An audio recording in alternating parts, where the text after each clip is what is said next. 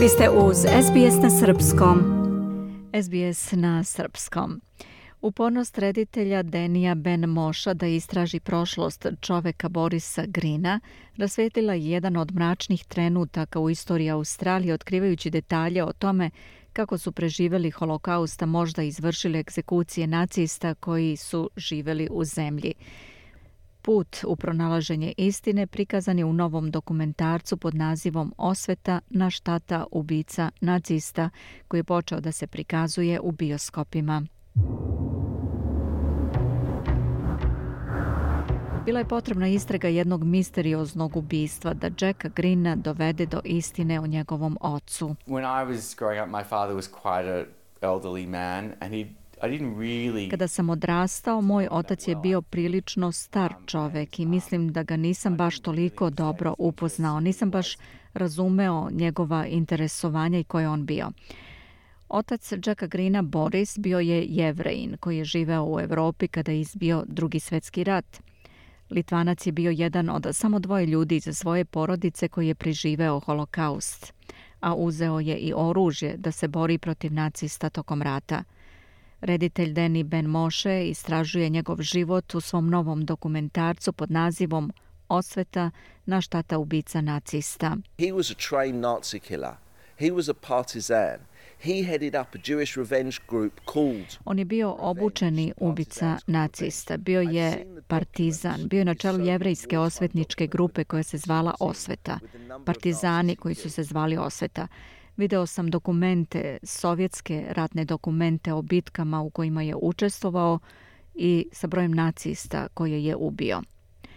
Posle rata Boris Green je emigrirao u Australiju i započeo juvelirski posao u istočnom Melbourneu. Preminuo je 2008. u 95. godini, ali u godinama od njegove smrti vreme je otkrilo jednu dobro čuvanu tajnu. Deni Ben Moša objašnjava kako je saznao za to. I get a phone call from Jack Green. As well my dad passed away. I was sitting around with my older Dobijam telefonski poziv od Jacka Greena. Kaže moj tata je preminuo a iz razgovora sa starijom braćom i mojim starijim rođakom saznao sam o tome kako je tata išao u Sidney da izvrši ubistvo iz osvete protiv nacističkog zločinca i želim da saznam da li je to istina. To je dovelo do mukotrpne istrage koja je trajala pet godina. Istraživači su pregledali više od hiljadu dokumenata, uključujući strogo poverljive fajlove. Također su zatražili pomoć privatnog detektiva da ispita sumnje Jacka Greena. Well, you know, it's a bit of a shock to the system to hear that this is a possibility and you just have a natural curiosity Šokantno je kad čujete da je ovo moguće i imate prirodnu radoznalost da istražite nešto o svom ocu, tako da je to na neki način bilo putovanje otkrivanja o tome ko je moj otac zaista bio. Film također otkriva mračno poglavlje istorije Australije. Između 1940-ih i 60-ih dva miliona migranata je došlo u Australiju, ali i neki od navodnih nacističkih kolaboracionista – Istraživači filma kažu da su ušli u zemlju predstavljajući se kao legitimni migranti u okviru posleratnih imigracionih programa. To je nešto sa čime su preživeli holokausta i njihove porodice, poput Jacka Grina, morali da se nose. Now, Australia, um, especially in Melbourne, had an enormous number of Holocaust survivors – Australija, posebno Melbourne, imali su ogroman broj preživelih holokausta koji su došli ovde i nisam znao koliko je nacističkih saradnika također došlo ovde. Mnogi iz regiona iz kojeg je bio moj tata, kaže on. To je tema bliska srcu filmskog reditelja Denija Ben Mošea, koji je također izgubio članove porodice u holokaustu.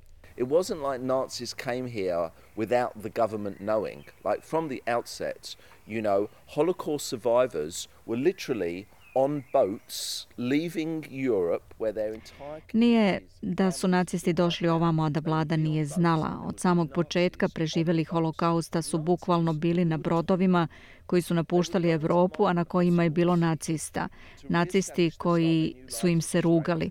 Oni bi odlazili u migrantske hotele da ponovo uspostave ili započnu novi život kao australijanci, a tamo bi bilo nacista koji bi ih otvoreno ocrnjivali i ismejavali i proganjali kao jevreje.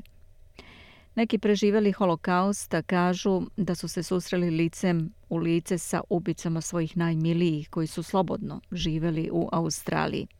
U filmu novinar i pisac Mark Arons objašnjava koliko se žrtava osjećalo iznevereno od strane vlasti nakon rata. Jewish groups kept forwarding Jevrijske grupe su nastavile da prosleđuju ogromne dosije vladi, ali nikada nisu mogle da preduzmu bilo kakvu akciju, kaže on. U potrazi za odgovorima dokumentarac otkriva nove informacije za koje čak ni porodica Green nije znala. Istraživači su otkrili 600 slučajeva navodnih nacista ili kolaboracionista koji žive u Australiji, a koji su sumnjivo umrli ili nestali u decenijama nakon drugog svjetskog rata.